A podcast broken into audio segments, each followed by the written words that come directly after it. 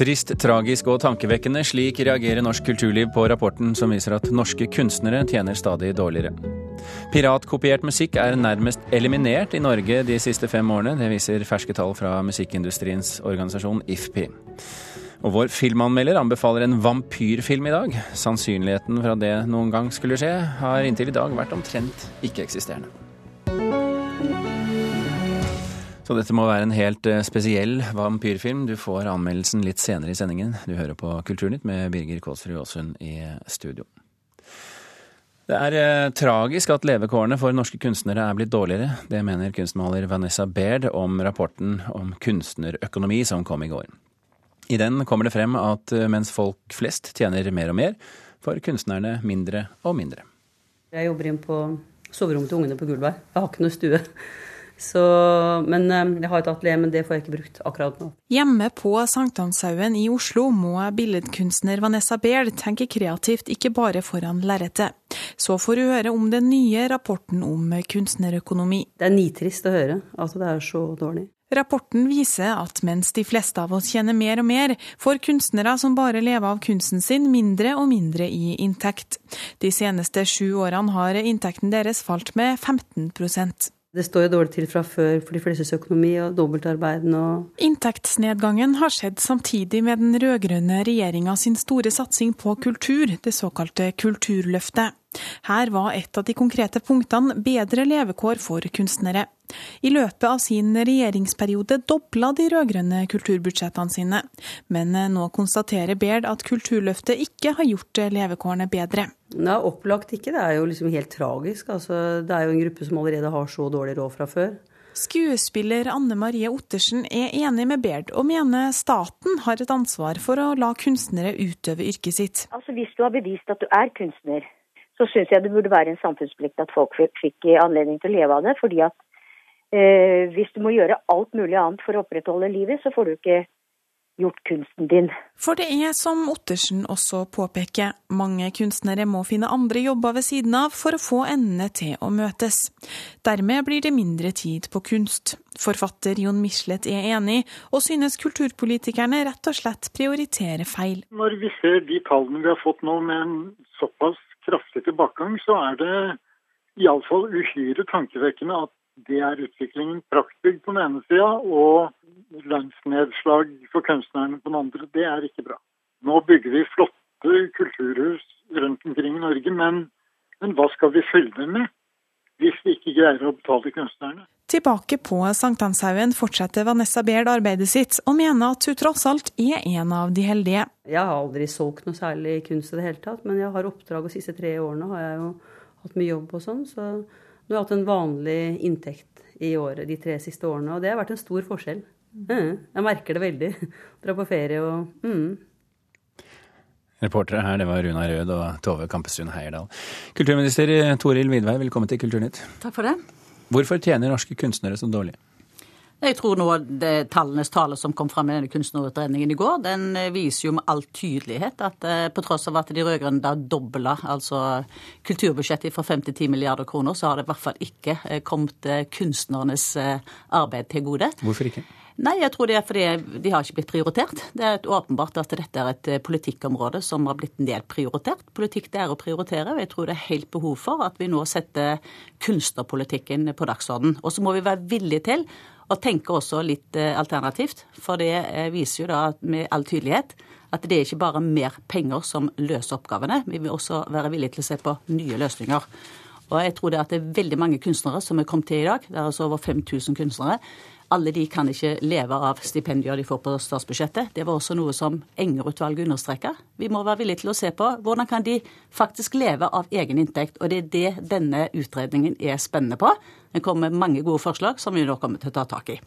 Kulturpolitisk talsperson i Arbeiderpartiet, Rigmor Aasrud, velkommen til deg også. Takk. Hva er din eh, teori på hvorfor kunstnere i Norge tjener så dårlig?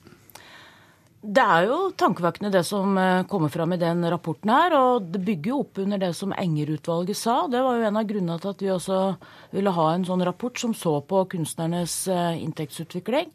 Så tror jeg eh, vi er nødt til å se på om vi har innretta virkemidlene våre på en god nok måte. Det ble gjort noen endringer i 2012 når det gjelder stipendordningen. Forhåpentligvis vil det ha virkning. Men jeg tror vi fortsatt må bygge stein på stein når det gjelder kultur. Jeg er uenig med Vidve når han sier at det ikke bare dreier seg om penger. For det, her, den rapporten viser jo at vi trenger også mer penger inn i feltet. Og da må man eh, også være villig til å prioritere det. For vi har bygd mye rundt institusjonene, det mener vi har vært riktig. Eh, og nå må vi gå videre og sørge for at eh, kunstnere også får ta del i den endringa. Men det Så, som mange mennesker har litt problemer med å forstå, det er jo at det, samtidig som dere har doblet kulturbudsjettet fra 5 til over 10 milliarder kroner, så har altså kunstnerne samtidig fått dårligere råd. Hvordan forklarer du det? Jo, altså Det har jo vært en prioritering av institusjoner i den perioden. Og det har vært veldig mye bra som har skjedd der. sånn. Eh, og så er det da kunstnergrupper som har blitt hengende etter, og det viser jo også den utredningen her sånn, at det er veldig store forskjeller mellom de forskjellige gruppene. Og det tror jeg blir eh, noe vi må jobbe med nå. Klare også å målrette innsatsen mot de kunstnergruppene som har hatt dårligst utvikling. For det er ganske store forskjeller mellom de forskjellige mm. gruppene i det utvalget som rapporten har gått gjennom. Videre. Jeg mener det at eh, det er helt klart Enger-utvalget påpeker at eh, Kulturløftet det stoppa ved eh, scenekanten, hvis man kan bruke den type uttrykk. Altså Pengene gikk jo til bygg og til de som jobba bak scenen, og ikke har da kommet de som utøver og de som skaper denne kunsten til gode. Derfor så tror jeg vi må ha nye løsninger, og jeg mener at vi må også se på hvordan vi kan få kunstnerne til å leve av egen inntekt. Eh, denne utredningen viser mange gode forslag, bl.a. det å samle virkemidlene, hvor man skal kunne klare å få hjelp til å bli mer entreprenørskap. Hvordan man kan gå inn og se på hvordan man kan drive med aktiv mer formidling, salg osv. osv. Jeg tror at det er her vi må tenke nå nytt. Men hva tror du kunstnerne sier når du sier at, skal, at dere skal samle virkemidlene? Nei, Jeg tror det at de, de ser det. Vi trenger å ha mer fleksibilitet. Det har jo vært ei referansegruppe med på denne utredningen, og de har jo gitt en støtte til dette. Nå blir det veldig spennende å se når dette skal ut på en høring, og vi får lytte til de høringsinnspillene som kommer. Men jeg tror det er to ting som er viktige med denne utredningen. Punkt nummer én så er det behov for en egen kunstnerpolitikk. At vi samler og ser på hvordan vi kan klare å intensivere det. Og så må vi tenke nye virkemidler. Vi må tenke på hvordan vi kan klare å få kunstnerne til å leve av egen inntekt. Her er det forenkling av regelverk, det er formidling, det er salg. Hvordan kan man legge forholdene til rette for å få til det? Ja, jeg mener at vi ikke kan eh, fraskrive seg ansvaret som offentlige instanser heller. Og jeg mener at forslaget som Vidve kom med, eh, tok over som kulturminister, bl.a. å kutte i stipenda, var et veldig dårlig forslag. Så er jeg enig med det forslaget som eh, har fremma, at man skal få altså ordningen med utstillingshonorar kan være ett bra virkemiddel, det støtter jeg henne på. Men jeg tror vi også er er nødt til å se på om størrelsen på stipenda er store nok. Vi la inn 5 millioner kroner i budsjett nå, sånn at hvert enkelt stipend kunne bli større. Så har vi jo også en utfordring vi er nødt til å snakke sammen om. For det som Telemarksforsknings rapport viser, er jo at det er blitt 24% flere kunstnere i denne perioden. Det viser jo at det er optimisme blant de som uh, har lyst på å gå inn i, i den bransjen her. sånn. Domdristighet også, kanskje, eh, Vidar? Nei, men det Enger-utvalget påpekte jo dette her, at ikke, vi har en situasjon hvor vi ikke alle kan leve av å få stipendier. Derfor må vi legge forholdene til rette for at det faktisk er en god del også som kan leve av egen kunst. Og her er det et pek på i denne rapporten at det er mange gode forslag på forenklinger, forbedringer i forhold til regelverket. De, disse, de fleste kunstnere driver et egenmannsforetak. Og da må vi være villige til å lytte på det. Og så er det et stort virkemiddelapparat der ute. Vi må få til et mer eh, samarbeid med Innovasjon Norge. Det er ikke sånn at det er bare stipendieordningen som kan være løsningen.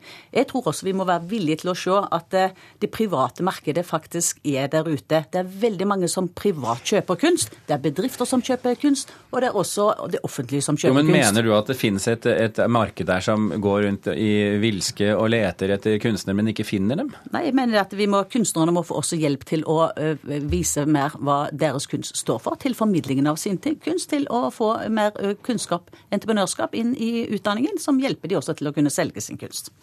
Svaret som Vidve kommer med på alle utfordringer innenfor kulturområdet nå, er at næringslivet skal ta over finansieringa. Jeg tviler på om vi har et næringsliv som er i stand til å ta over alle de utfordringene som er på kulturfeltet. Men så er det mange ting i den rapporten som vi må jobbe videre med. For regelforenklinger kan være bra. Det blir ikke noe mer penger i kassa av den grunn.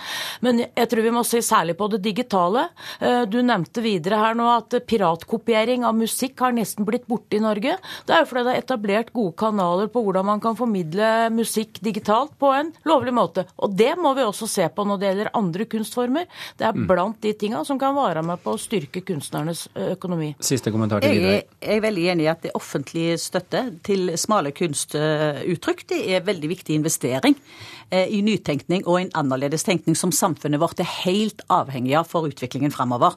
Så vi skal fremdeles ha stipendieordninger, men denne utredning peker særskilt på at på tross av at dere har brukt veldig mye penger, så har det altså faktisk ikke bedret kunstnerne sin levevilkår. Denne rapporten skal nå ut på høring, og vi får eh, hva er det du sier, rikeslig anledning til å debattere dette i det videre også. Eh, Toril Vidvei og Rigmor Aasrud, tusen hjertelig takk for at dere kom til Kulturnytt.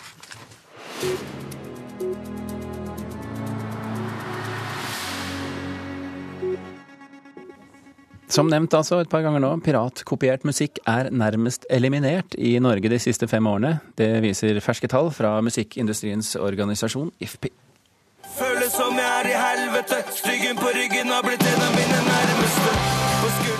Svært få skaffer seg musikk som Onkel P og de fjerne slektningene på ulovlig vis i dag sammenligna med 2009. I en fersk undersøkelse fra norske IFPI svarer kun 4% av befolkninga under 30 år at de bruker ulovlige fildelingstjenester. Tallet var hele 70% i 2009, da denne låta herja på hitlistene. Mye har skjedd siden Donkeyboy slo gjennom med Ambitions. Blant annet er det gjort store teknologiske fremskritt. Det er strømmetjenester som Wimp og Spotify som får æren for å ha nærmest bekjempa piratkopieringa i Norge. Gode, brukervennlige strømmeløsninger har gjort at ulovlig fildeling er blitt unødvendig for mange. Hei. I'm Jonathan from Spotify. På ett år har andelen strømming av totalt musikksalg her til lands økt fra 65% i 2013 til hele 75% i 2014. Det og nedgangen i piratkopieringa i Norge er så oppsiktsvekkende at det nå blir omtalt i internasjonale musikkmedier som Torrent Freak, Neowin og Music Business Worldwide. Reporter her, Torkil Torsvik. Thorsvik. Ørjan Johannessen eh, tok i går kveld gullmedaljen i kokkemesterskapet Bocuse d'Or i den franske byen Lyon. Og moren til gullvinneren fra Austevoll i Hordaland var blant de som jublet høyest. Le Bocuse d'Or est attribué à la Norvège. Eh, jeg kan nesten ikke beskrive det, for det er helt uvirkelig. Det er bare helt fantastisk. En glad, rørt og sliten mamma. Det er få timer siden Asta Johannessen så sønnen på toppen av seierspallen i verdensmesterskapet i kokkekunst Bocuse d'Or. I konkurranse med kokker fra 23 andre land gikk Ørjan Johannessen fra Austevoll helt til topps. Vi har, så du hører nå, vi har ikke stemma igjen fordi vi har uh, eh, hoiaen framme og alt dette her. Så vi er bare i ekstase alle mann. Reporter i denne saken var Siri Løken. Klokken er drøyt 16 minutter over åtte. Du hører på Kulturnytt, og dette er toppsakene i Dagsnytt nå. Afghanistan truer med å stenge grensene etter at Norge i fjor returnerte mange barnefamilier. Justisminister Anders Anundsen sa ingenting om dette til Stortinget. Barn av somalske foreldre som har jukset eh, med identiteten, må få bli, mener Norsk organisasjon for asylsøkere. Spania krever gransking av drapet på en FN-soldat i Sør-Libanon i går. Den spanske FN-ambassadøren sier soldaten ble drept da Israel skjøt tilbake mot eh, Hezbollah. Blogger Camilla Pil hadde en god kveld da motemagasinet Vixen for femte gang kåret årets beste bloggere. Pil vant eh, både prisen for årets blogg og årets kjendisblogg, uten at hun helt kunne peke på hvorfor. Eh, nei, si det du. Jeg syns alltid det er veldig vanskelig å snakke sånn om sine egne ting. Men uh, tydeligvis gjør jeg noe riktig, da. Vi har fått den prisen her. Uh, nei, det var veldig gøy, kjente jeg. Litt, uh, litt satt ut. Ja, Det sa altså Camilla Pil. Cecilie Staude, høyskolelektor på BI og ekspert på sosiale medier, velkommen til Kulturnytt. Var det noen overraskelser blant gårsdagens bloggpriser? Altså Først og fremst så er jo ikke dette noe offisiell kåring av Norges beste blogg. Det er en høyst eh, uavhengig en. Et motemagasin som står bak, eh, som har invitert sine lesere til å nominere blogger. Det er ingen kriterier til det, og det er jo paradoks å høre da når Camilla selv ikke vet hvorfor hun har fått den. Um, men det sier jo noe om hva slags type blogger som er representert eh, i en sånn kåring. Det er jo mye av det vi kaller dagbokblogger, hobbyblogger, bloggere som skriver om eh, mote og skjønnhet. Og vi vet jo det at det er den type blogger som er de mest populære.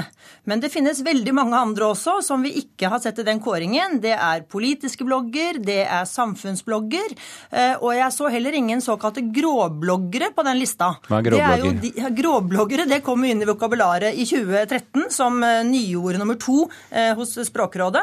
Og gråblogger er jo de som representerer en motsats til de som blogger om det rosa livet vi lever. Eh, bloggere som skriver mer om livet slik det kanskje virkelig er. Ville det sett annerledes ut hvis de var med i kåringen? Det tror jeg. Og jeg tenker at eh, en kåring uten definerte kriterier syns jeg eh, i bunn og grunn blir litt eh, useriøst. Altså Det kan jo også gå på troverdigheten til, løs til de bloggerne som er nominert. Uten klare kriterier så blir det veldig vanskelig å, å definere hvem som er den beste bloggen i Norge. Apropos troverdighet. Karoline Berg Eriksen, også kjent som Fotballfrue, var jo nominert i fem kategorier i år, men vant ingen priser. Hvorfor det, tror du? Altså, Blogg er jo et medium der det tidvis kan stille spørsmål ved troverdigheten til bloggerne. Vi har jo noen undersøkelser, altså ikke vitenskapelig langt derifra, kanskje lett, litt mer lettbeinte undersøkelser, som viser at flere av oss har mindre troverdighet til bloggere. Og det kommer jo av at veldig mange av disse bloggerne som, som yter stor respekt, og mange av dem har jo flere lesere enn det en, en gjennomsnittlig lokalavis har, eh, så de har jo Eh, stor nedslagsfelt i sitt miljø, men mange av bloggerne tar ikke det redaktøransvaret eh, som eh, jeg mener mange må ta for å ha troverdighet. Det som kan svekke troverdigheten til bloggere, og det har vi også studier som viser, det er ofte det er en mangel på åpenhet, og at man ikke er helt ærlig på bloggen sin. Det kan være mangel på åpenhet knyttet til altså, sponset innhold, og det kan være manipulering av kommentarer kommentarer, eller det kan være andre måter å fremstille et innhold på som ikke helt stemmer overens med virkeligheten. Det kan svekke troverdigheten, men i bunn og grunn så er det jo leserne selv da, som avgjør hvilken, hva, hva, den type øh, innhold øh, betyr i praksis. Men, men, skal ikke også denne formen for blogger være litt sånn glansbilde, da? Er ikke det litt av poenget for de som leser det også? Jo, du kan si at uh, Det er jo ingen som har sagt at sånn skal det være, men det er jo veldig mange av de bloggene som er mest populære, og ofte har jo de veldig unge lesere også. Eh, men jeg syns det blir jeg, synes det, den Andre typer av blogger også fortjener å bli løftet frem. Altså Det er de toppbloggene som ofte liksom er de som nevnes, men vi har veldig mange andre typer av bloggere som fortjener priser for å belyse saker som tradisjonelle medier som NRK, Aftenposten og andre ikke setter på agendaen. Og det kan føre til en mer kritisk og mangfoldig samfunnsdebatt. Det er type øh, vinklinger som veldig sjelden sjelden fremkommer, syns jeg, i media. Kanskje noe for deg og BI å sette opp eh, til neste år. Hvem vet? Cecilie Steide, tusen hjertelig takk for at du kom til Kulturnytt. Tusen takk.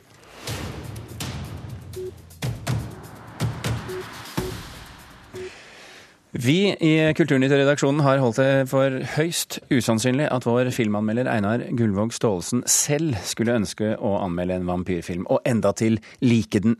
Men nå er det i ferd med å skje, så i dag kan vi slå fast det snør et visst sted. What We Do In The Shadows er en vampyrfilm. Den er fin, også for oss som ikke har blod på tann. Det er oss filmen handler mest om. Look, a ghost cap floating all by itself. Det meste av handlingsforløpet er lokalisert hjemme hos tre vampyrer som bor i kollektiv, og lever ganske normalt, helt til de går på byen for å rekruttere middagsgjester. Da kan de være ivrige. Friksjonene i samlivet er som i et vanlig kollektiv. Én vasker opp for sjelden, og to glemmer å legge aviser på gulvet og håndklær i sofaen når de har gjester. Det er mye søl hvis aorta ryker. De tre vampyrene spiller best sammen når de bruker instrumentene sine.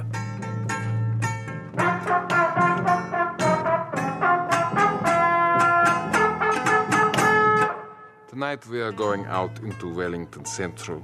It is important that we look good. Yeah, really good. Yeah, like. Mange ønsker å være vampyrer, for da stanser aldringsprosessen man er evig ung, eller bevarer det utseendet man hadde da halsen ble vidunderlig perforert. Hvilken lykke! Det er forresten en vampyr til i huset. Han er lagret i kjelleren.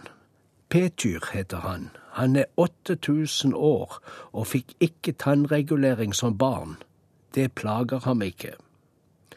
Vampyrene har fester i et interessefellesskap med hekser og zombier. Varulvene er ikke der, men de jakter i bakgatene. De er borgerlige i tøyet og bør ikke skues på håret. De ligner oss.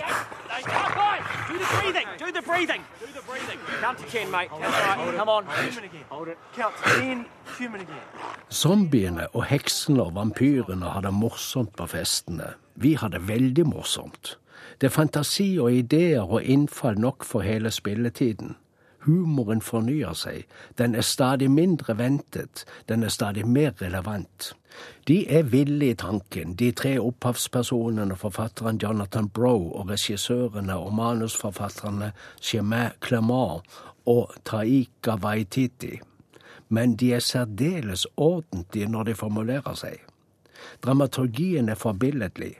Stram, presis, balansert. I think we drink virgin blood because it sounds cool. I think of it like this if you were going to eat a sandwich, you would just enjoy it more if you knew no one had fucked it. Skuespillerne er heller ikke tamme, men formidler med stor kunstnerisk kontroll. Dette er en av de få filmene hvor alle rolleinnehaverne er som vi synes de skal være. Maskøren er også valgt med omhu. Og lysmannen. Alle kan kontrollere stemninger.